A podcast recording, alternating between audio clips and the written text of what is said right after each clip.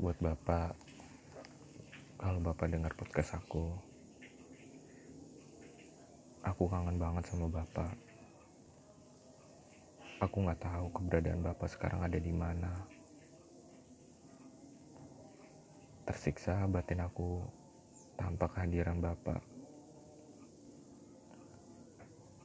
Aku nggak ngerti lagi bagaimana harus aku mengadu harus aku menjadikan teman cerita. Kau banyak memberi pelajaran hidup untuk diriku. Aku gak ngerti gimana caranya aku ngelewatin ini semua tanpa bapak. Mungkin banyak orang yang bilang kasih sayang ibu lebih besar.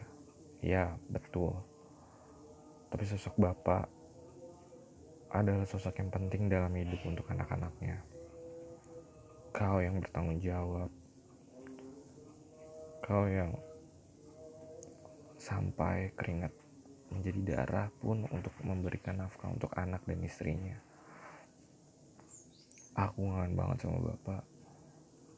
Kalau bapak dengar ini, aku pengen bapak pulang.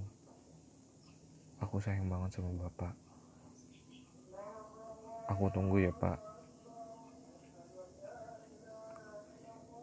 Makasih ya, Pak.